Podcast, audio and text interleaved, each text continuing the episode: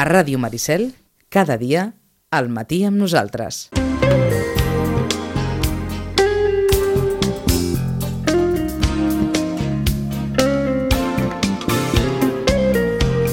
Ah, no sé si pagaria la pena que, que, que amb dues frases, però allò de dir, mira, anirem a dormir sabent una cosa més o refrescant els continguts, en Roman ens pogués dir, escolta'm, això de la psicoanàlisi què era? Per exemple. Roman, bon dia, bona hora. Hola, bon dia. En Roman, en Roman és membre de l'Espai Freud, Correcte. que aplega a tot un seguit de professionals, Roman, Eh, vinculats d'alguna forma entre ells. eh, a veure, és, és, és, una, és una cosa curiosa, Mhm. perquè és un espai. No és ni una entitat, Tat. ni té ni una institució. Eh, no? Aleshores, té un, un, un comitè organitzador. Això va néixer per arran dels 150 anys del naixement de Freud. De Freud, d'acord. I aleshores eh, tenim, bueno, eh, a Barcelona només hi havia pràcticament, o sempre ha hagut una llibreria que, i un llibreter, Sí. perquè és que sense llibreter l'altre no tindria massa sentit, Cert. mm, molt llegit i que, eh, i que diríem tenia tots els textos de, del psicoanàlisis actual, més tots els Mhm. clàssics. Era especial, una, una llibreria especialitzada, especialitzada en, en psicoanàlisi. Per tant, era un lloc de referència entre aquelles persones que us movíeu Sí, i de en trobada. l'àmbit. I de trobada. trobades allà. També s'havien arribat a fer activitats. Ah I aleshores eh, es va dir, bueno, 150 anys del naixement de Freud, fem alguna cosa eh, i a veure si ens podem aplegar tots els psicoanalistes que, de les diferents corrents i, Mhm. mm per fer, direm, un, un, un any dedicat a fer activitats per, la, eh, per difondre no? I, i, i fer arribar a la ciutadania i per fer, eh, diríem, interlocució amb altres disciplines, Mhm. i, amb, i amb gent de la filosofia, i de la literatura, O i del sigui, cinema, no, en el sobre fons- Freud, la seva figura i la psicoanàlisi. Entesos. Un espai de debat, Molts. molts espais de debat, Mm. que, que d'alguna manera, pel que, vaja, pel que tenim sobre la taula, se sobreentén que volen anar més enllà de, dels murs de l'espai i que la ciutadania sigui coneixedora Aquí està. de reflexions, preocupacions, alertes, gairebé diríem, fins i tot, Sí, perspectives. Perspectives. És, que és, és una concepció de l'ésser humà, no? una manera, una teoria uh -huh. eh, que dona compte d'una forma eh, global eh, de lo que és el subjecte i, la, i els seus vincles. D'acord. Com que has esmentat el nom de Freud Mhm. i la psicoanàlisi, potser paga la pena allò, en quatre paraules, si Mm. és que es pot definir més o menys d'una manera fàcil, què és la psicoanàlisi. Eh, sí, el de facilitar sempre és important. Jo crec que un dels problemes que ha tingut la psicoanàlisi és una transmissió excessivament complexa eh, que feia que no s'entengués. Clar, simplificar el complexa... Eh, No és gens fàcil. Per, per, no per, això, fàcil. per això t'ho pregunto, eh? A veure, eh, la psicoanàlisi és, és, una, eh, és una disciplina que neix... Eh, Freud era neuròleg, eh, però va veure que hi havia una sèrie d'afeccions que la neurologia de l'època no tenia instruments per tractar i eh, va veure, va començar a trobar una vinculació entre... Eh, o sigui, va veure que amb la paraula va començar amb la hipnosi i la paraula, després Sí. va deixar la hipnosi, Uh -huh. que a partir de la paraula i de les associacions eh, apareixia un coneixement, un saber que el subjecte no sabia, mm? Però que tenia dins seu. però que tenia dins ells i eh, determinava els símptomes que patia. Mm? Aleshores, eh, aquí comença a néixer, diríem, la psicoanàlisi en relació a la histèria, D'acord. eh, i, eh, bueno, i ell desplega tot un, durant no sé, Una- 50 anys. Ahà, una teoria- una teoria molt extensa, molt complexa com és la com som les persones i com són les relacions entre persones. I eh, diríem, és això, una concepció de, de, del subjecte, dels vincles mm? eh, i diríem Freud va concebre un, un aparell psíquic um, I hem de suposar que una metodologia per intentar accedir a aquesta, a veure si, si ho dic més o menys en matices amb aquesta part de la nostra ànima que existeix mm, i que diu molt de nosaltres, però que no és quantificable en lloc ni és analitzable en lloc que no sigui a través d'una conversa, a través de la paraula. A través d'una metodologia. A través d'una metodologia. D'acord. I, i, i, i, I si alguna cosa és, va més enllà, però si té un, un origen i té una primera finalitat és eh, terapèutica, o sigui, mm -hmm. és Mhm. una metodologia per intervenir i per curar, o sigui, és, un, és una teràpia. D'acord. És clar, a, partir de la jornada, i ens hi fiquem, i això serà el 17 de febrer, a, a, sempre hem tingut més o menys associada la, la psicoanàlisi o aquella eterna i clàssica imatge de l'especialista amb un pacient estirat en, uh -huh. en, un, en un sofà i aleshores eh, amb, amb, en una un divan. amb un divan, amb una estona molt, molt llarga de preguntes, de respostes, etc etc. Això en la canalla s'aplica? No, No. no, Eh? no, no s'aplica. Eh, diríem, eh, la psicoanàlisi infantil fa molt de temps que funciona i que opera, eh, diríem, a, aquí a costat de que arribés, perquè bueno, tot va ser, per exemple, la facultat de, de, de Buenos Aires, les de París, eh, són dels, dels anys 50. Mm. Aquí pues, no havia res de tot Mhm. això, estava prohibit. Eh, hi havia alguna de, de psicoanàlisi anglès, eh, kleinià, eh, que, que, que estava per aquí, però direm no a nivell universitari, a nivell de difusió. D'acord, t'ho preguntava perquè, encara que siguem petits, tenim aquesta part, no sé si dir, amagada de la nostra ànima que un especialista, que un professional pot treure a través del diàleg, de la paraula? Eh, mm, de, o sigui, això que alguna vegada hem parlat aquí del I llenguatge infantil, Sí. que va molt més enllà de la paraula, o està més aquí o sí, més enllà. allò que els professionals sabeu interpretar a partir de les converses amb Molt el, més a partir del joc, del joc, sí, sí, de l'escenificació, del dibuix, de la comunicació a través de... de les produccions que expressen eh, més enllà de la, la... No, perquè, a veure, si hi ha una característica de, de la psicoanàlisi és que entén que el psiquisme, eh, o sigui, que la consciència és només una qualitat de lo psíquic. Hi ha una altra qualitat de lo psíquic que és lo inconscient. Uh -huh. Mm? I, eh, i hi ha unes relacions entre lo conscient i lo inconscient, hi ha instàncies... Bueno, però mm, aprofito de dir una cosa. Sí, Eh, Està bé, ja, ja, ja, re- ja parlarem més sobre aquesta qüestió Ahà. de la psicoanàlisi. Dic perquè justament tot aquest... Eh, si bé és Espai Freud qui ho promou, sí, eh, aquesta, això se'n diu això, intervencions de la infància, l'hem posat, mm?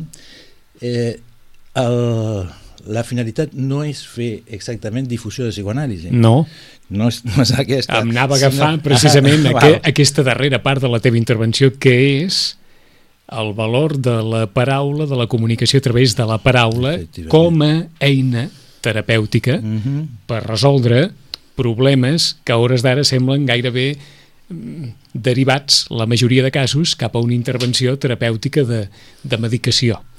Quan bona part de, de professionals com vosaltres creieu que cal retornar una mica, o una mica bastant, al món de la paraula, al món d'una certa certa calma i observació de les coses abans de d'agafar recepta i començar i començar a escriure. E- Efectivament que una part és una, una preocupació per com ha anat eh, evolucionant d'una forma eh, exponencial eh, l'ús de la medicació en la infància. Mhm. eh? O sigui, fa 20 anys tu estaves en una escola i podies plantejar arran d'un cas un nen dir, bueno, és que se l'hauria de medicar I, i, i, i en liava una Mhm. eh, clar, perquè era com impensable sí, que, que, que, és que això una, fins i tot era impensable Una ja d'entrada que una Ah, criatura, això que dius tu, que una criatura prengués, píndoles d'alguna cosa Eh, i més de psicotrópics. i més de psicotròpics. Mm.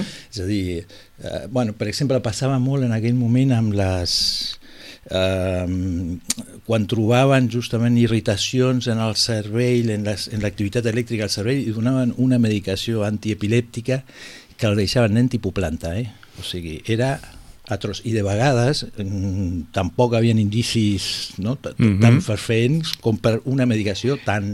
Ah, eh? perquè aquestes medicacions tenen efectes secundaris severíssims eh? i que moltes vegades determinen el desenvolupament d'aquell Mhm. infant.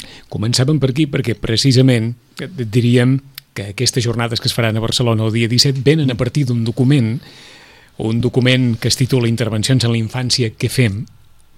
Espera. En bona part. Eh, Intervencions en la infància que fem va ser la, la primera Pedra, proposta. pedra, la sí. primera proposta. Ah, Dic perquè a partir d'allà justament va sorgir la necessitat de fer eh, alguna, com difondre, com Exacte. fem saber, com... Eh, eh, I aquí va néixer la, la idea o la necessitat de fer un document que recollís eh, aquesta preocupació i aquestes valoracions que en fèiem aquest grup de, Mhm. de professionals de diferents disciplines, eh? que justament, o sigui, molts són psicoanalistes, però molts no ho són. És a dir, perquè la qüestió està molt més en com, diria, està més centrat, eh, si vols, dintre de lo que també diu la, la ONU, eh, en la salut mental i en el benestar emocional de l'infant.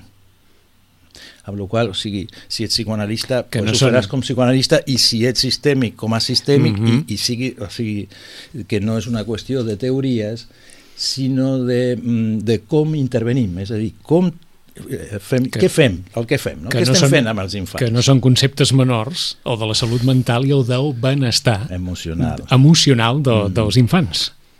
Vaja, És potentíssim. és potentíssim. Sí. Uh, us llegeixo algunes de les preocupacions que aquests uh, professionals van deixar en, en aquest document, en el nostre web trobaran també aquest document perquè ens sembla que és un document molt atemporal, que, Pues que, sí. que, que es pot llegir, es podia llegir quan es va presentar, que es va presentar l'any passat, la tardor de l'any passat, però sí. es pot llegir, vaja, ens sembla que es llegeix d'aquí dos anys i les preocupacions o les reflexions gairebé cadascú se les pot aplicar a la vida quotidiana, sigui nen o sigui gran, uh -huh. perquè algunes d'elles apunten a la forma de viure que tenim i que afecta, evidentment, els, els més petits de la casa.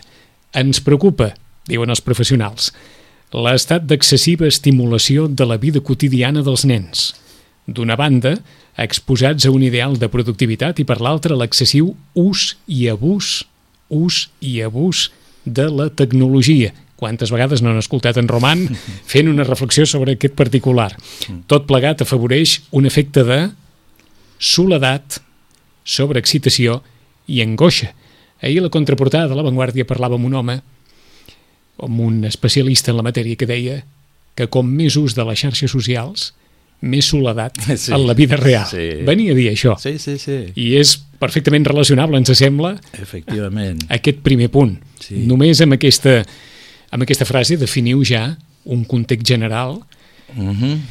que, és clar que, que és difícil de canviar ja d'entrada, És difícil, però diríem el que no podem ser és ni ingenus, ni obtusos, ni necis. Eh? És a dir, això té efecte sobre l'infant. d'acord, I si tu dius, no, és que està, és, és que so- eh, està excitat. Diu, home, és que l'estrany seria una altra cosa. És a dir, amb, el, amb la quantitat d'estimulacions, eh, els infants que participen de tot tipus de situacions familiars, socials, que en aquest sentit podem dir que està com poc protegida la infància. No? Se'l se, se somet, hi ha pocs filtres, estan al cas de tot. I això és una... A veure, passo a dir així, una mica embogidor. Mm. -hmm. L'excés d'estímuls, és a dir, eh, nosaltres no podem passar de determinat, perquè si no, no, justament tenim problemes d'atenció. d'acord. O com ens has dit més d'una vegada, hi ha estímuls per cada edat. E efectivament, efectivament. I per tant, els infants d'una determinada edat faran algunes coses, quan siguin més gran en faran unes altres, però no ja de, de bon començament faran totes les coses del món. sí. Per exemple, Bueno, per exemple, està molt bé, està molt bé. De vegades passa amb les edats, sobretot tempranenques, Mm. mm. eh, no? és a dir, per exemple, el P3. No? El P3 pots trobar al setembre, quan comença P3, amb nens de dos anys, que no han fet tres anys. I eh, potser té bolquer, potser té... Tens, Mm, però saps que hi ha P3? Hi ha eh, reforç de català. No hi ha un altre per canviar bolquers ni, perquè és que estem, clar, està en mentalitat Ah. escolar Ahà. i, però el que passa és que un escolar de dos anys eh, és que és una mica precoç. A veure, n'hi ha que sí, eh? I que xerren com pels Mhm. escocits i, i encantats de la vida. I, Però- Eh, però, però n'hi ha d'altres que no. Que no. Aleshores, eh, inclús mesos de diferència, marquen, me, mesos de diferència Mhm. d'edat, marquen eh, habilitats i capacitats i processos individuals diferents. Per tant, ens agafem de bon començament aquest marc general, Eh, que és el de una vida quotidiana dels nens exposats a l'ús excessiu de la tecnologia, exposats a aquesta excessiva estimulació. uh -huh. Segon, que no és més important, que la perspectiva actual estigui centrada en la pluriferació, pluriferació Però- de diagnòstics psiquiàtrics i de teràpies farmacològiques fonamentades en protocols i pautes generals que tenen un caire reduccionista, simplificador i uniformador. Ens ho has dit sempre també, ho agafem tot i del tot en traiem una diagnosi i si el nen respon més o menys aquest tot que n'hem fet una mitjana, clar, ja tenim la medicació a punt per aplicar-la en els casos que, que convinguin. I cada nen és un món. I cada nen és un món i diríem, i la medicació, anem a veure, tampoc és que eh, estiguem en contra de la medicació. Mm, eh, la qüestió és quin ús se'n fa, eh, quina funció ve a complir. Diríem, si tots els processos de diagnòstics estan com enfocats a trobar el medicament, a dir, o sigui, ho afavoreix molt Mm. que sigui això.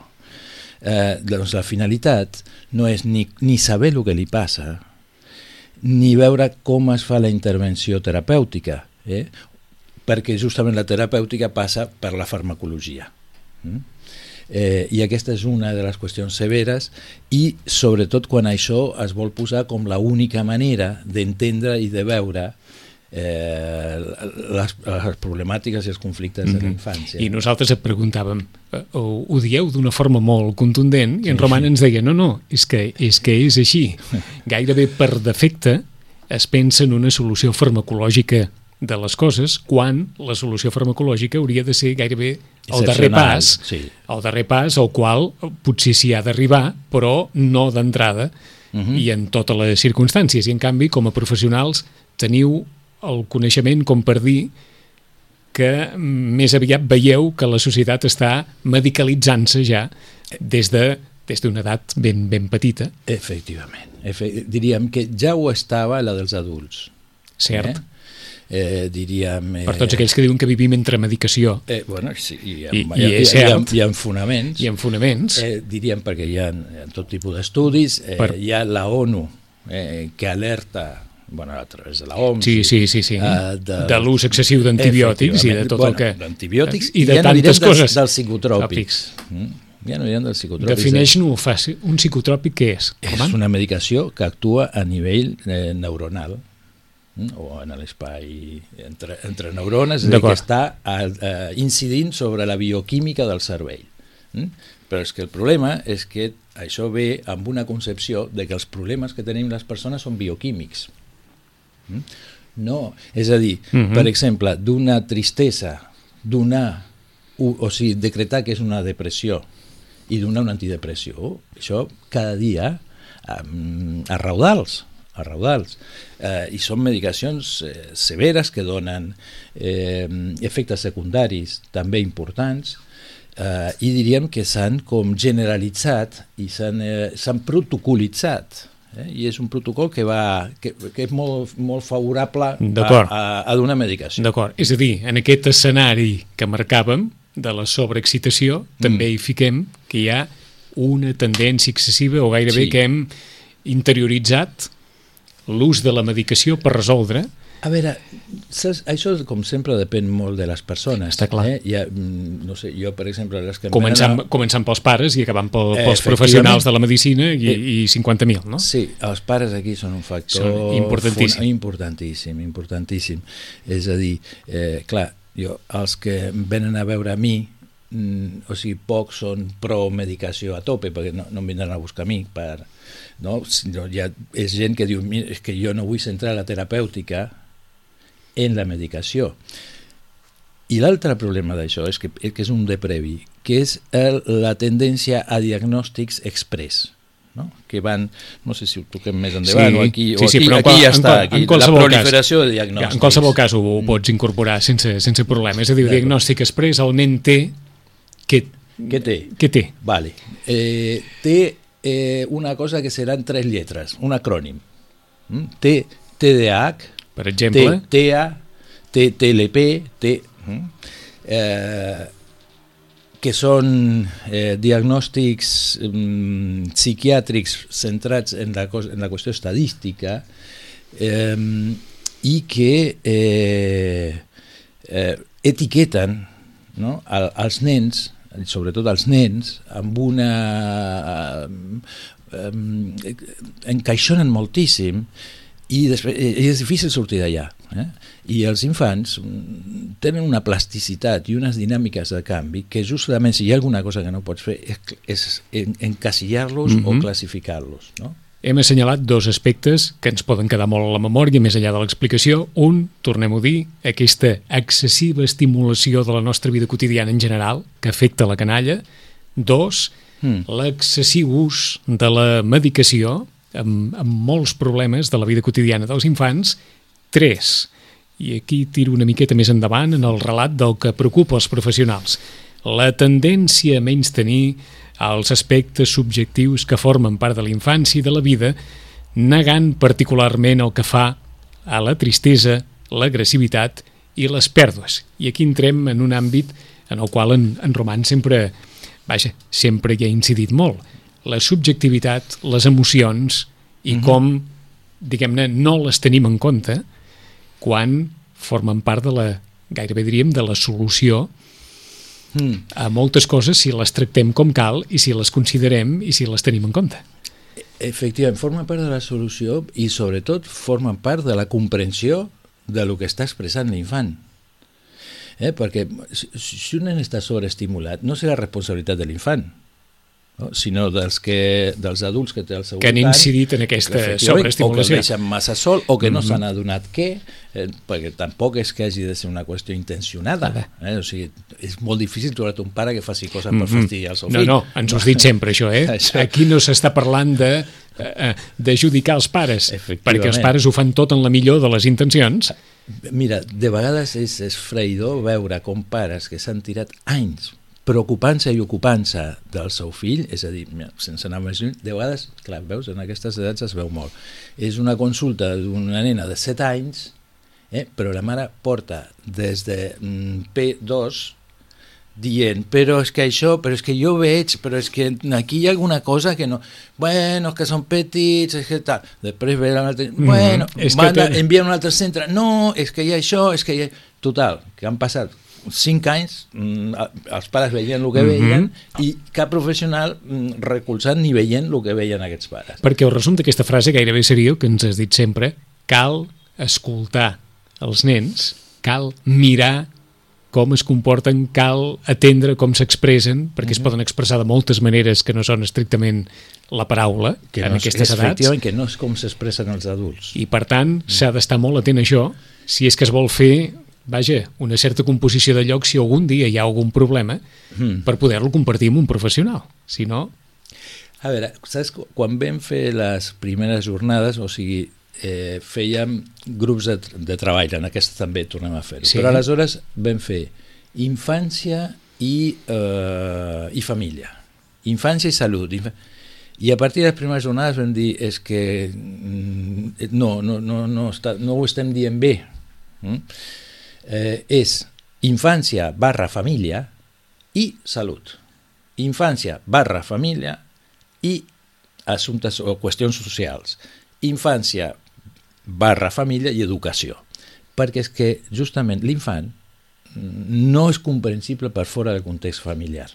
I aleshores moltes d'aquestes formes diagnòstiques Sí. no s'interessen pel context familiar ni històric, perquè de vegades les problemàtiques no és el que passa avui, té una història familiar, de vegades inclús una prehistòria, coses que van passar abans de que naixés el nen i que estan determinant mm, part dels seus símptomes. Aleshores, el problema en aquest punt és que també no s'atén, eh, però no s'atén als pares, no, no, no, es té en compte. Eh, això anava, Sí. Eh, perquè és la cadena. Quan es parla dels pares que no paren prou atenció a la comunicació del fill i quan es parla de, Mm. com ho diem això, l'entorn dels pares, l'entorn bueno, l'entorn familiar. L'entorn no? familiar, més enllà encara, aquells pares que no poden tenir allò un determinat ajut o suport en situacions que... Bueno, clar, aquí ja ens remetem més al, al model sanitari, Sí. no? eh, que justament és molt eh, això, biomèdic eh? i té poc en compte els, els elements eh, psicosocials. No? En aquest sentit, a veure, perquè vegis que, o, per, ja ho hem comentat, Sí. que no és només una qüestió de, de la psicoanàlisi, sinó que ni, ni, ni, dels, ni de l'àmbit psi, és a dir, que això està en educació, això està en lo social, això es- està a molts àmbits, eh, la ONU, mm, la ONU, bueno, eh, un redactor, perquè clar, la ONU molt gran, Sí, part, de- el gran promotor d'aquestes qüestions és la OMS, no t'ho perdis, Eh, però el gran promotor del model biomèdic que el redactor aquest que va fer l'estat sobre l'estat de la salut mental eh, del, que va fer un informe interessantíssim eh, justament cita com a part dels problemes la OMS mm? que fomenta les malalties bio, o sigui, un model biomèdic que no dona compte del patiment i de les problemàtiques infantils, i no només de les infantils, sinó de l'adolescent ni la de l'adult. És a dir, que és, eh, que és un model que és necessàriament ha de canviar. I cap a on ha de canviar? Doncs ha de canviar cap a, una, eh, cap a un model psicosocial. És a dir, que el, el, el, tot l'ambient que hi ha al voltant de l'infant és determinant per, eh, per la salut mental de l'infant ben, i pel benestar de l'infant. el emocional. problema, el problema d'aquest document en què s'hi pot estar fonamentalment d'acord en tot és que quan els professionals diuen valorem i aquest valorem és una mena de declaració d'intencions en veu alta Mm. és gairebé dir agafeu el sistema i sacsegeu-lo bé de dalt a baix perquè tot això que us preocupa Mm? afecta a tota l'escala, diguem-ne, a tota l'escala de valors que tenim. A veure, més Des que, de fins més a quin que- punt els sí. professionals són escoltats i valorats. Eh, eh, Fins a quin punt els pares tenen el suport que haurien de tenir. Sí. Fins a quin punt Eh. els pares escolten els fills com els haurien d'escoltar a partir d'un model social que funciona d'una determinada manera que no dona gairebé temps a escoltar-se, ni a parlar, ni a dialogar. D'acord. Vull dir que és com allò, ho agafem tot, aturem-nos un moment i pensem si estem fent les coses...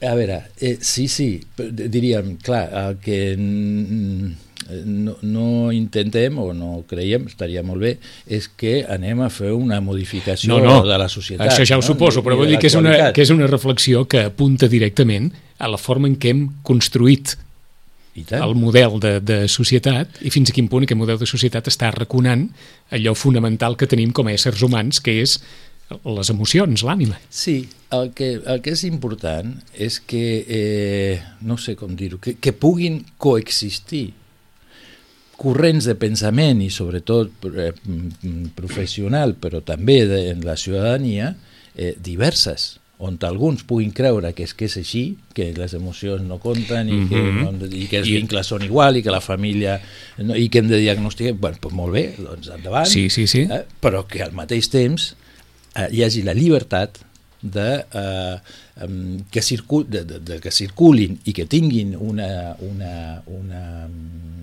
consistència i un respecte a nivell institucional, perquè el problema de tot això és de que si tu, per exemple, vas a una escola, no? eh, tu parles amb el mestre, ara, o sigui, fa, fa 20 anys tu parlaves amb el mestre, no, és que això, és, què li passa? Ara, ja fa anys, tu parles amb el mestre, el mestre diu, quin diagnòstic té? O sigui, què fa un... Tu, tu m'estàs preguntant per un psicodiagnòstic? Sí. I, i no? Què saps tu de psicodiagnòstics? Dius, tu no eres mestre.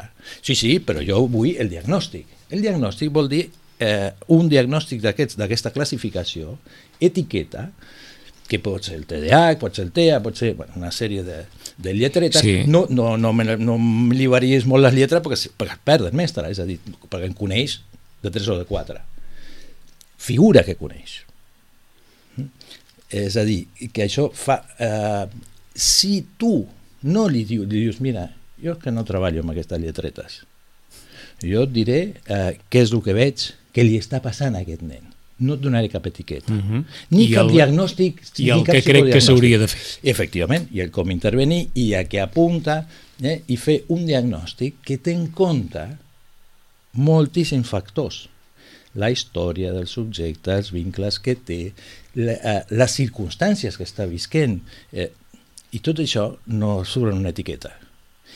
Ni s'explica en una frase, i moltes d'aquestes coses no entren dintre del camp del coneixement dels mestres, perquè ells són mestres, i del que han de saber és de lo seu, i ja està molt bé, però no han de saber de psicopatologia. I quan resulta que pregunten per una etiqueta, i quan tenen etiqueta diuen, ah, doncs ja sé el que li passa, és terrible. Com? O sigui, a mi em costa molt eh, arribar a fer un psicodiagnòstic, porta temps, és molt laboriós, i resulta que un mestre li dius tres lletres i ja sap el que li passa i el que té el nen, Després, és trist, és reduccionista, i és simplificador i és confusional. Eh? Perquè els mestres no han de saber uh Mhm. -huh. de, de psicopatologia. Està molt d'acord amb la manera en què entenem la societat avui. Que és la banalització de les coses. l'utilització de determinades etiquetes per definir... Sí, sí. És un semblant de saber. Sembla que sabem alguna cosa, uh -huh. sembla que estem Bé, dient alguna cosa, i, però... I si sabem, diguem-ne, quedem bastant tranquils perquè com a mínim ja sabem què té. Bueno, mira, de la perquè, jur- perquè efectivament, el efectivament, desconeixement de, de, Mira, de de, les- la situació en particular encara encara ens porta una certa angoixa, no? A la, efectivament, aquí està. Ah. A les primeres, les primeres jornades vam, vam fer una mesa per Sí. que fèiem els grups i un era el Fernando García de Vinuesa, que és un psicòleg escolar eh, de, de Madrid, que és un amb, amb, un, amb dos que treballen en neurociències, catedràtics, que fan farmacologia, eh, tenen un llibre que es diu Volviendo a la normalidad, el invento del TDAH, no?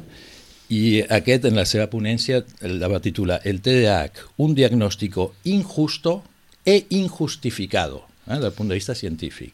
I que fa un anàlisi demoledor de, de, de, del bluff, del, de l'aire que té tot Sí, això. sí, sí.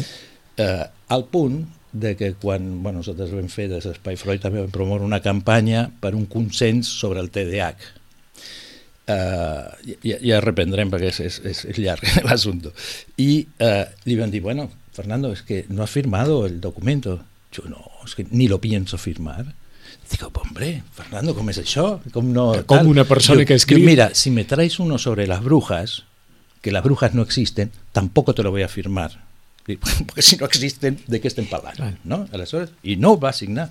I mira que vam recollir milers Ahà. de signatures eh, i de professionals. I l'altra ponència era d'una psicoanalista que té molta experiència i molts anys de treball amb infants, que va parlar sobre el deseo de no saber. Mm? Què és això? És no voler saber, la incertesa, el temps per arribar a saber. Mhm. Clar, ara no tenim temps. Com administrem tot aquest temps fins a arribar a saber alguna cosa? Efectivament. Com ens aguantem, per dir-ho així, Clar. fins que algú no ens digui alguna cosa sobre allò que passa Eh, sí. i que ens preocupa.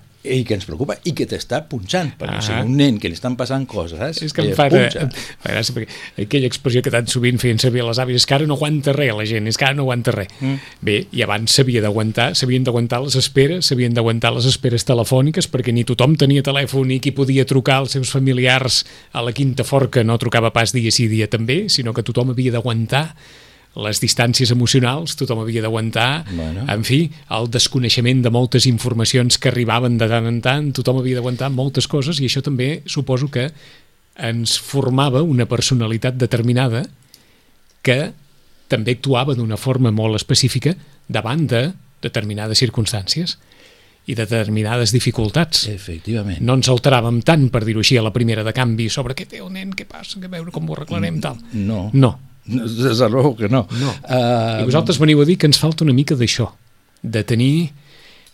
el que, el que venim a, mira, aquí quan posa en el- en l'escrit aquest, diu, eh, bueno, diu és, és del nostre interès. No? 1. Fer pública la preocupació que compartim respecte a com s'està atenent als nens i nenes del segle XXI. Els del segle XXI. No? Aquests que dius tu són del XX. Mm. Que tenia, diríem, i Diguem-ne que, tenien, que tenien altres problemes. La Sí, gent sí, sí, tenia no, altres tenia coses. problemes hi havia, sempre, hi havia sí. altres coses. Però diríem Però tu que- la forma de... el context, l'època, O sigui, eh, això és el, el reconeixement de que estem en una altra època. Aleshores... En una època el... en què costa més escoltar, costa més exemple, esperar... Clar, sí. que diríem amb una revolució tecnològica que afecta les, ni més ni menys que les comunicacions. D'acord. I per tant, per determinades coses com pot ser atendre els problemes de la infantesa, mm -hmm. i no hi ha època. Cal esperar i cal saber escoltar. Clar, però, si en però, però el que passa és que si en l'època els temps són d'immediatesa, sí. no hi ha espera possible. No hi ha espera possible. Eh? Aleshores, però això no canviarà. És... és a dir, només es pot saber a veure, Com no canviarà està... en quant a l'època. Uh -huh. El que eh, diríem justament hem de poder ser eh, crítics uh -huh. i hem de poder veure les conseqüències d'això, sobretot els professionals que estem atenent a la infància. El que no podem és responsabilitzar al nen d'estar excitat quan l'estem estimulant de totes les bandes i, i això considerar-ho mm -hmm. que, no, que no té cap influència. Ho dic perquè els professionals que signeu aquest document sou dels que considereu que abans, ara i sempre, mm -hmm. cal escoltar i cal saber esperar si és que es vol tenir una imatge fidel de qualsevol problema que pot tenir l'infant i hi ha el procés de resoldre'l. Efectivament. Cal saber escoltar, cal saber esperar, perquè no, no es pot fer de cap altra manera. Sí, dir. esperar en el sentit de que, eh, de que és, de, de és, un, procés, esperar, que és, un, procés. un procés que, que, es, que es desenvolupa sí, en el sí. temps, que el factor temporal sí, sí. forma part de... És com si diguéssiu de la mateixa manera que un part continua durant nou mesos, hem I cal saber esperar. Tal qual, tal qual. Tal qual. Bueno, ara dius, no, no, no tenim temps pel part, o sigui, ho hem de fer un dia. Ho hem de fer un sí, dia sí, perquè... Dir, que hi ha processos a la vida que duren o que duren i no els podem accelerar ni els podem retardar, doncs aquest procés fonamental a la vida que és intentar conèixer què passa dins l'ànima de cadascú, també té un temps. També té un temps perquè té una complexitat que si tu... Que no es pot vols... vulnerar, que no es pot vulnerar fent-la anar... Eh, eh, que, que si corres, la simplificaràs. I si la simplifiques, no la veus. I si no la veus, no la pots atendre i si no la pots atendre no la resoldràs. Pues, es cronifiquen o, o, o, o, diríem, o entren en un... En, es comencen a cronificar uh -huh. o, mhm. o a enquistar eh, símptomes, maneres de funcionar, eh, moltes vegades amb la medicació. La medicació directament aporta això, va, a cronificar. Que no són bones les presses per l'ànima, pels problemes de l'ànima. A veure, que la, les, les, aquesta precipitació de l'època actual genera efectes en l'ànima i en, perquè genera efectes en els vincles això que dius tu, o sigui, eh, per exemple, el, el, ara, què et diu un adolescent per dir, o sigui, la cosa pitjor que li pots fer, i envies un WhatsApp i diu, m'ha deixat vist, m'ha deixat vist, vol dir que ell se n'adona de que té el, el vist aquest, el, no, el ganxito aquest, de, sí. el vistiplau, de color, amb el qual vol dir que segur que l'ha llegit i no, no contestat, contestat encara. I no m'ha contestat, vol dir en aquests 5 minuts que acaben de passar. Clar, si contesta d'aquí dues hores... Per molts, per molts aquesta espera és matadora. No, no, és un insult directament. És un insult. És, això és de, pitjor que de maleducat. Digue'm tonto, digue'm el que insulta'm, però no em deixis vist, sobretot. O sigui, si m'has vist, m'has de contestar, eh? perquè, perquè és això, és la immediatesa. Quin sentit té un WhatsApp mm, al dia següent? O, o els 200 WhatsApps que s'han generat? Zero perquè són banals, són... Eh, aleshores, hi ha tota una sèrie de característiques de l'època que no és per dir que per posar-se nostàlgics i sí, sí. Que, que no, que en el passat... No, no, no, feu, no feu tot això per dir, no, per no, res. ho hem de canviar, tot això, no, no. Per res. Lo que, el que no podem és eh, ignorar-ho. Mm? Aquesta, això forma part del model psicosocial, perquè és social és social i, i el social i el psíquic ah, va, van ensemblat. Està clar, però hi ha coses que no poden canviar i una d'elles és com tractar els problemes de l'ànima. Necessiten pues sí. temps. Necessiten temps. Paciència. Sí. Constància. I necessiten una cosa que és, eh, en el cas de, dels clínics, eh, quan parlem, en, diríem, en l'àmbit de la salut, de la salut mental, necessiten del saber clínic i de l'ull clínic eh? el qual no té res a veure ni amb els protocols, ni amb els exàmens, ni amb, les, amb els procediments mm. rígids. Està clar. Són les 10, des del Centre de Reeducació de Vit. Jornada el 17 de febrer. La recordarem el 16, com a mínim, per, per acabar de, de polir tot això. Roman, gràcies. A vosaltres. Tornem en 5 minuts. A Ràdio Maricel, cada dia, al matí amb nosaltres.